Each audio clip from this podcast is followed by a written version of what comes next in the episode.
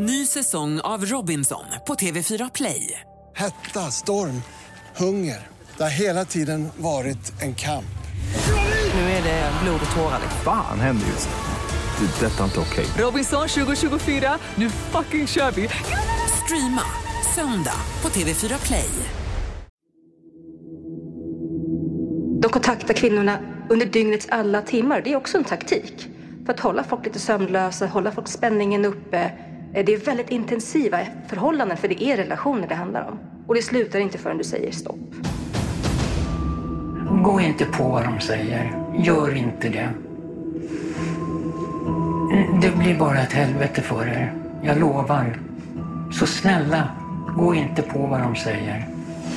Vi gör alla misstag i livet. En del stora som får förödande konsekvenser, en del mindre som man får försöka rätta till i efterhand. 2015 gick jag över till TV4. Det var ett misstag, visade det sig. Ett misstag som kunde fått stora konsekvenser för mig personligen.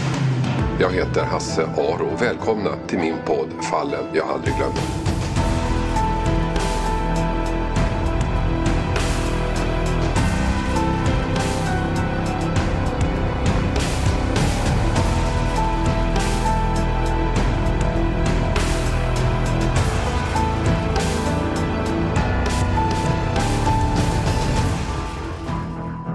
Som tur var så fick jag möjlighet att återvända till trean och Efterlyst 2018. Och där, i arbetet med omstarten av programmet, kom jag i kontakt med människor som begått avgörande misstag. Misstag som krossat deras liv.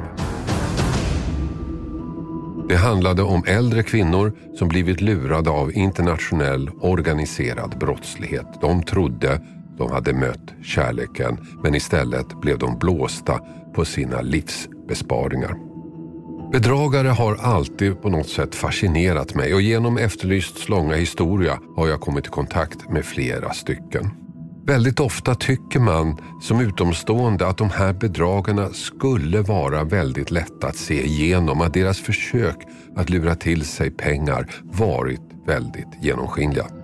Men det är lätt att stå vid sidan om och ha åsikter. För en sak har jag lärt mig genom åren. En skicklig bedragare vet vad du vill höra och så säger han det. Det kan handla om aktietips, lättförtjänta pengar, hemliga skatter eller något annat. Av någon anledning så vet bedragaren precis var din svaga punkt är, hur han ska få dig på fall. Inte sällan handlar det om kärlek. Sol och vårare har ju förekommit under lång tid i brottshistorien. Men den här hösten, 2018, fick jag höra talas om ett nytt sätt att lura till sig pengar. Den amerikanske generalen. Vi fick in flera fall och alla såg likadana ut. En äldre ensam kvinna fick plötsligt kontakt med en man på nätet, till exempel via Facebook. En stilig man i uniform, amerikansk general på utlandstjänst i Irak eller någon annan oroshärd. En ensam man på jakt efter kärlek. Det börjar oskyldigt förstås, men när det är över har kvinnan blivit lurad på alla sina besparingar. Anna Leofas var analytiker på polisens nationella bedrägericentrum vid den här tiden. Ja, man blir ju kontaktad på sociala medier nästan alltid. Eh, och då handlar det ofta om... Det handlar inte gärna om dejtingsidor, utan det handlar om Facebook eller Instagram eller, eller liknande. Det behöver inte vara i dejtingsammanhang, eh, men det är sociala medier det handlar om. Eh, du blir kontaktad, någon berättar för dig att de såg din profil och du verkade så snäll och trevlig och så uppstår en konversation. Och Den behöver inte vara romantisk omedelbart. Eh, Den kan ju börja bara som en vänskaplig Hej, hur mår du? Men det blir ganska snabbt väldigt romantisk, väldigt storvulet språk och det är mycket kärlek. Och sen förr eller senare så hamnar personen eh, som kontaktar dig då i svårigheter. Eh, han menar på att han är, behöver sjukvård eller han är i en krigszon. För det är nästan, de här amerikanska generalerna det är nästan, de är utlandsstationerade, ofta i Afghanistan. Eh, eller ibland kan det handla om att de är läkare vid, i krigszoner. Den typen av profil. Som hamnar i problem och behöver din hjälp. Det kan börja smått, så blir det mer och mer hjälp de behöver och det är mer och mer pengar. Tills du säger nej, helt enkelt tills du har slut på pengar. Och det den amerikanska generalen spelar på är romantik. Han är ensam och målar upp en framtid tillsammans. Alltså det här handlar ju om äktenskap. Det handlar, ofta så kallar de kvinnorna för min fru. Att du är min fru. Det är något som används ganska ofta. Eh, vi ska vara tillsammans och det är du och jag för evigt. Eh, det handlar om seriösa relationer. Det handlar om samtal. Ofta. De kontaktar kvinnorna under dygnets alla timmar. Det är också en taktik. För att hålla folk lite sömnlösa, hålla folk spänningen uppe. Eh, det är väldigt intensiva förhållanden, för det är relationer det handlar om. Men allt är ju bedrägeri. Och när offret förstår det, eller när pengarna är slut, ja, då hör inte generalen av sig något mer. Men bedrägeriet kan ändå fortsätta på en annan nivå. Och när du har slut på pengarna, då kan de övertala dig att ta lån kanske. Eh, och när, när du inte längre kan ta lån, så kan de hjälpa dig att ta lån i andra länder möjligtvis. Det här kan fortsätta hur länge som helst. Och det slutar inte förrän du säger stopp. Och efter att ha sagt stopp, så kan du bli kontaktad igen av någon du tror är någon annan som ska hjälpa dig att få tillbaka pengarna. Eh, och Det kan vara en advokat, det kan vara en bankperson, det kan vara en myndighetsperson mot en viss summa och så är det igång igen. Vi tog upp flera fall under hösten 2018 och våren 2019. Alla följde samma mönster. Ensamma kvinnor lurade på alla sina pengar. Men ett fall stack ut. En kvinna drabbades ovanligt hårt. I hennes fall handlade det inte om pengar utan om något helt annat som gjorde att hon hamnade i fängelse i Japan. Hennes fall är unikt och ni kommer att få höra henne lite senare. Men även om alla offer är olika, även om alla har sin historia, så finns det en sak som är gemensam. I efterhand kan de verka lättlurade, men de råkade i klorna på någon som visste vad de ville höra och som sa det.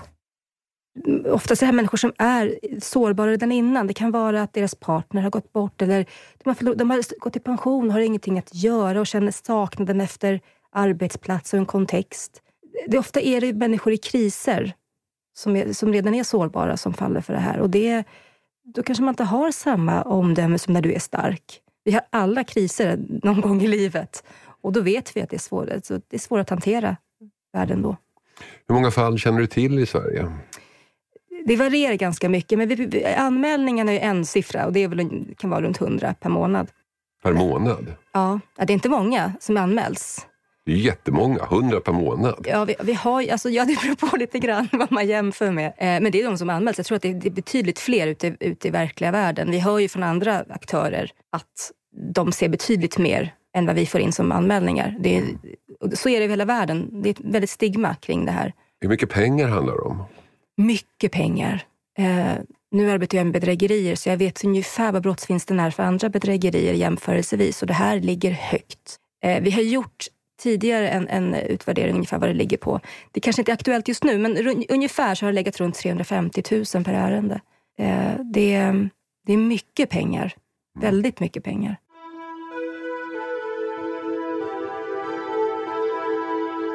En av de som alltså råkade ut för det här var 72-åriga Ulla som vi valt att kalla henne från Stockholm.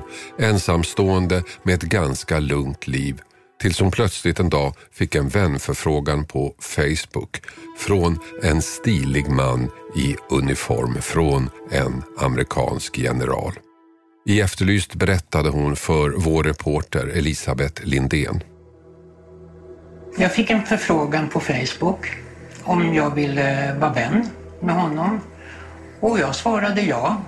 Och vi pratade nästan varje dag och han ringde till mig nästan varje kväll. Och vi pratade väldigt, väldigt mycket.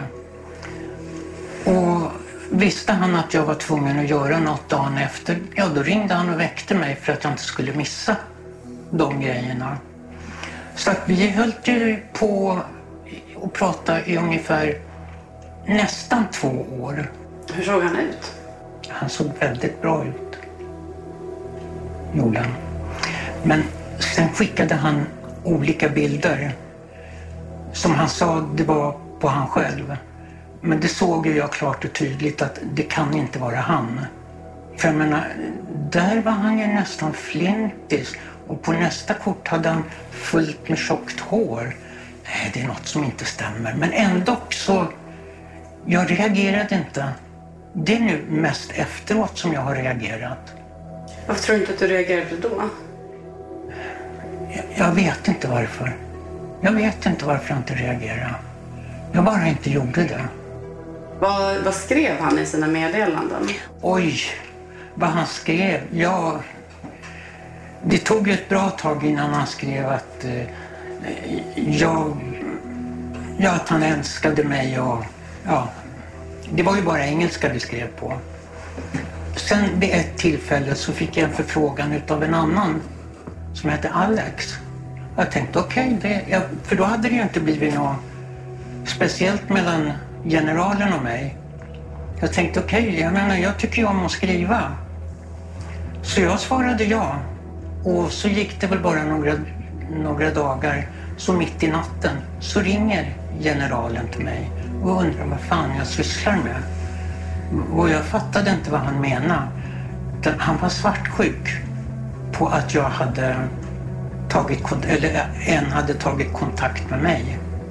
Han sa det att eh, min fru som jag är skild ifrån, hon gjorde likadant. Och jag har varit ensam nu i 14 år och så träffar jag dig och så gör du samma sak som min före detta fru. Nej, så jag lovade ju då att avsluta samtalen. För först sa jag, men jag vill ju bara ha en kompis att prata med. Ja, men du kan prata med mig, sa han. Det började alltså som med alla andra. Ulla får kontakt med en amerikansk general och känner sig utvald och smickrad. Men det är ju inte generalen hon har kontakt med. Han finns visserligen men hans identitet är kapad och används i hundratals, ja kanske tusentals liknande fall världen över. Så här berättar Anna. Den här typen, den amerikanska generalen, är definitivt organiserat. Man ser ju liknande manus i mejlen över flera eh, anmälningar. Så det är absolut organiserat i, i de här fallen. Mm, hur går det till? Vi har ju inte någon utredning som jag kan peka på. Eh, jag kan titta på studier, som kriminolog kan jag titta på studier där jag kan, och där ser man ju att det sitter, eh, det är väldigt organiserat, det finns manus som skickas ut, det finns eh, tillvägagångssätt som kopieras och lärs ut. Men, men som sagt, vi har inte någon, jag kan inte säga som polisanställd att det är så det går till, för det, det, kan jag inte svara på. Nej, men det är alltså personer, alltså det är som någon slags callcenter de sitter och ringer upp till, till kvinnor över hela världen? Vi tror det. Vi tror det. Mm. Jag har sett att det är Västafrika, Israel, Ryssland det är ställen som pekas ut där det finns sådana här callcenter. I många studier ser man det, ja. Ingen, vi har återigen ingen utredning som påvisar det, men, men i, i, studier som görs eh, med IP-adresser och liknande så ser vi kommer därifrån. En sak som fascinerar mig lite grann, varför just amerikanska generaler? Varför mm. använder de... Det är ju samma bild som dyker upp gång på gång på gång. Det är ganska könsbundet. Um, när man riktar sig mot kvinnor så är det män i uniform, det är läkare, det är lite tro, tunga, trovärdiga, klassiskt, alltså lite John, John Wayne-profiler. Riktar man sig mot män så är det eh, ryska läkarstuderande, servitriser, lite andra typer av profiler. Eh, de här amerikanska militärerna är ju absolut klassiker och absolut vanligast. Mm. Och de bilderna eh, som, som man använder, de visar ju verkligen en, en general som finns. Mm, absolut. Det, det, är ett ganska stort problem. Eh, jag såg en intervju med en, med en amerikansk militär som hade skickat alltså 200 falska konton på honom, hade skickat tillbaka till Facebook och bett att ta ner. Och det fanns ju hur många som helst kvar. Och de är ju äkta personer, så att när, när du som offer googlar den här mannen så finns han ju på riktigt. Och, det, och hans detaljer har använts i hela upplägget. Då är det svårt för dig att veta om han kanske, alltså att, att han inte finns. Mm. Och det går ju från generaler högt upp till ganska, ganska alltså, meniga. Så det går, oavsett din status inom, inom det militära så finns du med. Eh, om, om går man in på den amerikanska arméns sociala medier så, så har de ju varningssidor för mm. det här. Så att det mm. verkar vara ett stort problem inom, inom det amerikanska försvaret och armén. Ja, alltså, de lider ju också av det här. Alltså, de här vars identiteter blir stulna är ju också offer. Det får vi inte glömma. Deras liv blir mycket svårare. de blir ju själva uppsökta av offren som tror att det är de som har legat bakom bedrägerierna. De kan bli hotade, deras familjer kan bli hotade. De kan bli utpressade. Så att de är ju också offer, det ska vi inte glömma. Eh, jag vet att Pentagon har ju en avdelning för sociala medier där de arbetar med, tillsammans med Facebook och Instagram för att ta ner de här, de här profilerna. Men det går långsamt. Och det är många gånger de får tillbaka svaret att men det här bryter inte mot våra regler, det får vara kvar uppe. Och de militära kan ju också bara utreda fall där det är militära både offer och förövare. Vilket gör att de blir begränsade i vad de kan göra. Så det, är ett, det är ett allvarligt problem, ser de också. Men det är svårt för dem, även för dem är det svårt att hantera. Ulla hade kontakt med sin, vad hon trodde, amerikanske general under lång tid. Men skillnaden mellan honom och många andra fall var att han aldrig begärde pengar. Nej, i det här bedrägeriet mot Ulla var målet ett annat.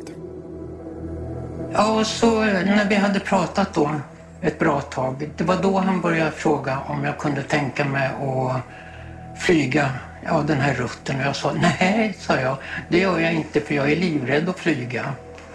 Ja, men du vet, när jag kommer till Sverige och vi bor ihop, då får du ju räkna med att vi kommer att flyga väldigt mycket. Så om du gör den här resan nu, då kanske du lär dig att det är inte så farligt att flyga. Jag tänkte, nej, nej, sa jag. Flera gånger sa jag nej. Ja, så till slut så, okej okay då. För han sa att du får 10 000 när du kommer till, till slutstation. Jag tänkte, okej okay då, jag kan ju behöva de pengarna. Ja, så jag, jag åkte ju då. Eh, jag skulle först åka då till, eh, ja, till två andra länder och sen till slutdestinationen. Och där skulle jag överlämna Ja, jag skulle få en, en bag med souvenirer som jag skulle överlämna till en, eh, ja, en militär som var på det här stället. Och där skulle jag få 10 000.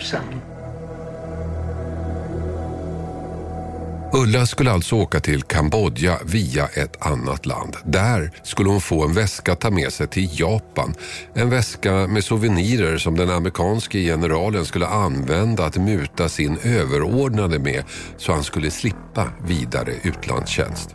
När väskan var levererad skulle han bli fri, komma till Sverige och gifta sig med Ulla. Så hon åkte, även om hon var mycket tveksam. När jag kom inte till, det först, till, inte till det första utan till det andra landet. Och den andra, det andra hotellet som jag var på. Då rätt vad det är så kommer en person knacka på dörren och jag öppnar. Och då står det en person där och lämnar in en väska som jag skulle ta med mig. Jaha, ja, okej. Okay. Ja, inget mer med det, då är det souvenirerna. Men jag tittade aldrig i väskan. Jag öppnade inte ens och kollade vad det var för souvenirer. Och sen då när jag eh, skulle åka då hade jag hjälp av någon som jobbade där. Jag vet inte om de jobbade där eller om de såg att jag hade mycket att bära. Som sa I help you. Så eh, han hjälpte ju mig då ner med väskan och sen fram till taxin. Och taxichauffören tog och slängde in den i bilen. Och sen när vi kom fram till flygplatsen då tog ju taxichauffören väskan och la upp den på en sån här vagn. Så att jag tog aldrig väskan, konstigt nog. I början gick allt enligt planerna. Ulla fick väskan och satte sig på ett plan från Kambodja till Tokyo i Japan. Men där kom chocken. Ja, så kom vi då för att gå ut och då frågade de mig om jag hade, om jag hade någonting med mig. Och nej, sa jag, för jag hade ingenting i mina väskor. Men då tog de den här stora väskan som som de kallar för Boston bag eller någonting sånt där. Och det var där de hittade knarket. Och de, ja, de, jag var ju tvungen att erkänna att, så tala om precis som det var då. Att jag visste ingenting och ja, vem det var som hade gett mig väskan och på vilkens order och varför jag hade ljugit från början. Alltså för att jag hade blivit tillsagd att ljuga. Ja, han hade ju sagt vad jag skulle säga och, eller vad jag skulle svara på frågorna. Och jag gjorde precis som han hade sagt. Alltså den här personen? Ja, generalen. Generalen. Generalen. Vad hade han sagt att du skulle säga då? Eh, ja, bland annat att det var jag som hade varit och köpt de här sakerna i Kambodja. Och eh, att eh, det var en kvinna som var med mig och köpte. Men jag menar, det, jag erkände ju sen att det var ju lögn. Jag sa ju som det var sen, att det var en person som kom till hotellet med väskan. Och sen när du insåg att det fanns narkotika där vad... Ja, då blev jag ju helt förstörd. Jag fattade ju inte det först. Visade de det för dig? Ja, Hur såg det ut? det såg ut som, som socker ungefär. För han frågade mig, men ja, lite tjockare än socker. Det var väl mer som eh, grovsalt. Så såg det ut. Och vad var det för någonting? Jag vet inte om det var amfetamin eller vad heter det andra? Meta. Ja, jag vet inte vilket det var. Men det var fyra kilo. Ja, Var du med när de... Eh, tog upp, ja, jag var med. Men jag satt med ryggen så jag såg aldrig när de tog upp knarket. Det såg jag inte. För jag satt så de var bakom och jag vände mig väl om någon gång så här för att de visade mig, men det här då? Och visade mig eh, kläder och lite, ja, typ souvenirer. Ja, men vad ska du med tre tröjor? Jag tror det var tröjor. Ja, men jag har tre grabbar, sa jag. Då tänkte jag, jag har ju två barnbarn som är grabbar och sen min son. Det var så jag tänkte. Men jag var ju tvungen att erkänna det också till slut. Det var inga souvenirer i väskan. Det var knark. En stor mängd amfetamin. Syftet med Ulla var aldrig att lura henne på pengar utan att använda henne som knarkkurir. Ett ovanligt men inte helt unikt motiv för de amerikanska bluffgeneralerna. Så här berättar Anna Leofas. Framför allt så såg vi ett gäng förra året, alltså australiensk eh, kvinna från Australien, som greps med ganska mycket knark i Kambodja. En blev dömd till 19 års fängelse och en satt i sex år innan hon kom ut. Och vi hade ju en man som råkade ut för samma sak som greps i Amsterdam. Och han, honom, honom behöll de bara några månader för han var, han var nästan 90 år gammal. Och de förstod ju att ja, någonting var fel där. Det måste vara en väldigt svår situation man hamnar i när man liksom åker fast. För att de, här, de är ju oskyldiga, samtidigt är de ju skyldiga. Ja, ja det är jättesvårt. Va, va, vad gör man? Är det någon skillnad när du är 20 eller när du är 90 och när du blir lurad? Är det någon skillnad? Jag, jag tycker det är en jättesvår fråga.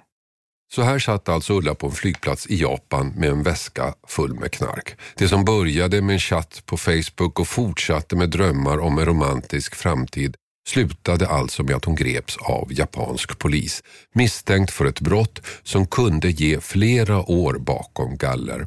I Japan, ett land vars språk hon inte förstod, ett land där hon inte kände någon. Hon häktades och fördes till ett kvinnofängelse. Ja, och sen fick jag ju åka till det här kvinnofängelset. Och då när vi kom in innanför dörren, då säger han åt mig, för det var en lång, lång gång man skulle gå. Titta nu på golvet. Jaha, så jag tittade på, jag visste ju inte varför. Ser du om det ligger någonting på golvet? Nej, sa jag, det ligger inget på golvet. Nej, när vi kommer fram dit du ska, om det ligger något på golvet då, då är det du som har lagt det där. Mm. Ja. Så eh, ja, jag hade ju ingenting att lägga där. Och sen när vi kom fram till det här rummet som jag skulle, inte cellen utan det här rummet, där skulle de ju undersöka mig, där skulle jag klä av mig naken. De skulle väga mig och de skulle mäta mig och de skulle även titta mellan benen på mig. titta under armarna, under bysten, bakom öronen, i hårbotten. Överallt skulle de titta om de hittade något knark. Sen fick jag ju sätta på mig deras kläder. Jag fick inte ha mina egna kläder. Jag fick inte ha min egen tandborste, jag fick inte ha någonting som var mitt eget. De kastade till och med min kam. Och sen fick jag ju gå till cellen. Och innan man går in i själva cellen så är det ju som ett litet rum. Där de hade ett skåp där man fick lägga in madrassen på morgonen. De öppnade, jag fattade ju inte vad jag skulle göra. Jag, jag har ju aldrig varit där. De sa åt mig, ja, på japanska sa de det. Och då, de visade ju då också med händerna. Aha, det är det jag ska ligga på. För jag visste att jag skulle ligga på madrass. Hur såg det ut i cellen? Det var ett litet rum där de hade en toalett. Den fick man ju gå in på. Och jag räknade faktiskt hur stor cellen var. Då tog jag ju mina fötter då. Åt det ena hållet var det tio fötter. Åt det andra hållet var det åtta fötter. Men jag kommer inte ihåg vilket som var vilket nu. Och sen ingen stol, ingenting. Inte någonting. Inga möbler överhuvudtaget? Nej, nej, nej. Ingenting alls. Ingenting. Ulla satt ensam i det japanska fängelset. Hon riskerade flera år bakom galler och ingen visste var hon var. Så småningom informerades dock svenska UD som i sin tur kunde berätta för Ullas barn. Men i övrigt fanns det inte så mycket svenska myndigheter kunde göra. Ulla hade begått ett brott och för det skulle hon ställas inför domstol i det land där brottet begåtts, i Japan. Efter två månader i häkte kom då dagen för rättegång. Ja, då var det ju rättegång och de frågade ju bara vad jag hette och det var ju bara det jag behövde svara på. Och sen pratade ju de och jag fattade ju ingenting. Och sen, sen var det slut. Och då säger tolken att, du, att jag fick eh, åtta månaders villkorlig dom. Så skulle jag komma tillbaks till Japan så åkte jag dit på åtta månader. För hon frågade mig, hade du tänkt att komma tillbaks? Aldrig, sa jag. För jag menar, det har jag ju inte haft en tanke på. Det värsta scenariot inträffade aldrig. Domstolen förstod att hon blivit lurad och hennes fingeravtryck fanns inte heller på väskan eftersom hon själv aldrig rörde vid den. Domen blev åtta månaders villkorligt. I praktiken blev hon frisläppt, fri att åka hem igen. En sak kan hon så här efteråt inte låta bli att fundera på. Vad hade hänt om hon klarade sig igenom tullen? Om hon lyckats föra väskan till det hotellrum som var bokat för henne? Ja, i och med att eh, rummet var beställt för två så tog jag för givet att... Men jag tänkte, vad fan, vi skulle ju mötas i Stockholm. Så jag fick inte det där riktigt att gå ihop. Men eh, jag kom ju aldrig så långt så att jag vet ju inte vem det var som var på hotellet. Men jag har ju fått reda på nu efteråt att hade jag inte åkt fast i tullen, tack gode gud att jag gjorde det, då hade jag inte suttit här idag. För det är så de gör. De skulle inte ha nyt någon nytta utav mig längre då. Utan... Vad menar du med det? De hade ju tagit död på mig. Är det så? Ulla tror alltså att hon skulle bli mördad på hotellet när knarket väl levererats. Anna Leofas kan förstås inte uttala sig med säkerhet men hon tvivlar på att det skulle gå så långt. Jag sitter ju polisen i Sverige. Jag ser brott som händer i Sverige. Jag kan inte se vad som händer utomlands. Det känns inte... Min magkänsla säger att det inte är troligt, men jag kan verkligen inte svara på det. Det känns som att det hade varit väldigt dramatiskt. Alltså det, det tar ju... Det lägger ju intresse på dem. Det skulle innebära att de blir utredda på ett helt annat sätt. Mm. För de är ju redan skyddade med allt det ja, de kan... har gjort dem. Så det är ju bara... Precis, de, de, de, de åker ju inte fast ändå. Nej. Om vi ska vara krassa. Att mörda dem hade ju varit att dra uppmärksamheten till sig. Idag är Ulla hemma igen. Det har gått några månader sedan hon landade i Sverige.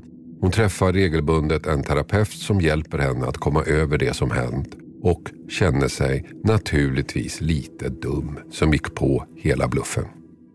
Ehm, det här är ju ganska vanligt att sånt här händer, att folk blir lurade på det här sättet. Skulle du vilja, vad skulle du vilja säga till folk för att varna? om det här? Gå inte på vad de säger. Gör inte det. Det blir bara ett helvete för er. Jag lovar. Så snälla, gå inte på vad de säger. En sak har jag lärt mig genom åren när det gäller bedrägerier. De sista att inse bluffen är ofta de som drabbats.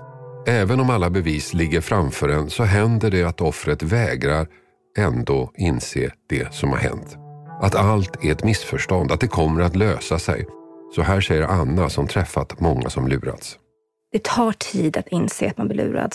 Jag såg faktiskt en studie som jämförde kvinnor i våldsamma förhållanden med kvinnor i den här typen av romansbedrägerier.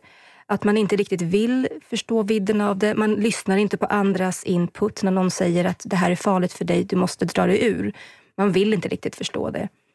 Och sen när du väl förstår och inser, betyder inte det alltid att du slutar ha kontakt med honom. Du kan anmäla och ändå fortsätta ha kontakt med honom, för han är den enda som förstår.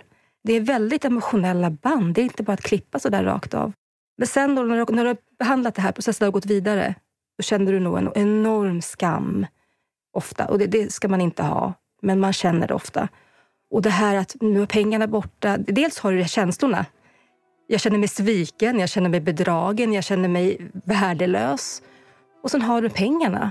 Du har ingenting att ge till dina barn och barnbarn i arv. Du har ingenting att... Du kan förlora ditt hem. Det är inte ovanligt. Och din, din säkerhet för din ålderdom. Det är, ja, det är ett hårt slag, dubbelt slag. Det som drabbade Ulla och som drabbat många är oerhört raffinerat. Förövaren sitter i ett land, offren i ett annat och som i Ullas fall begås själva brottet i ett tredje land. Väldigt svårutrett för polisen. Så här säger Anna om hur man kan skydda sig mot den här typen av bedrägerier.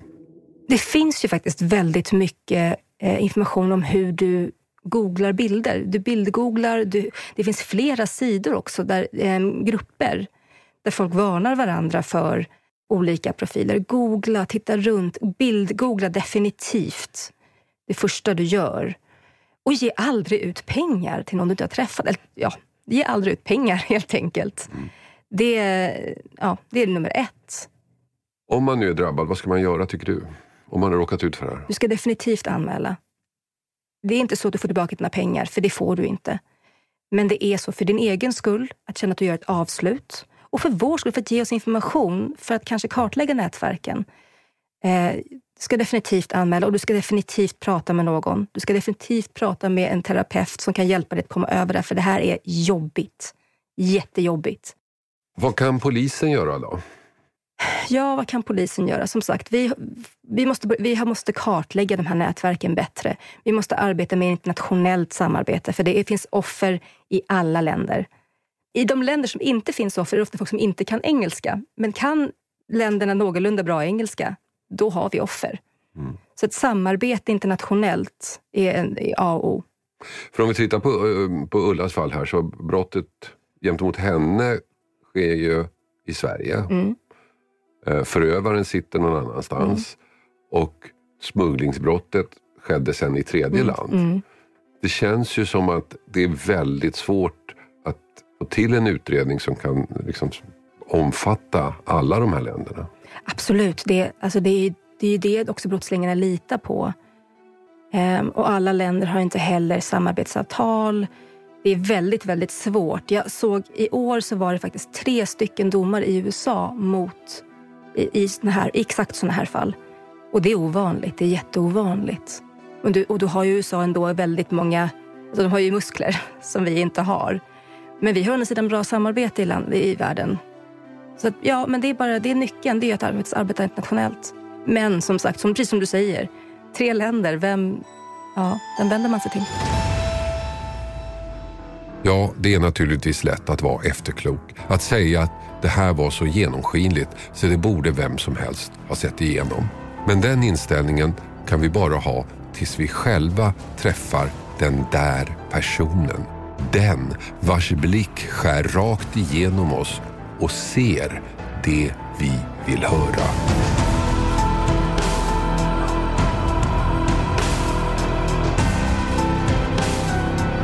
Klippning och inspelningsansvarig David Dabba Persson och exekutiv producent Mattias Arvidsson.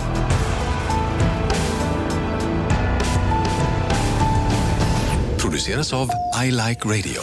I like radio. Ny säsong av Robinson på TV4 Play. Hetta, storm, hunger. Det har hela tiden varit en kamp. Nu är det blod och tårar. Fan händer just nu. Det. Detta är inte okej. Robinson 2024, nu fucking kör vi! Streama söndag på TV4 Play.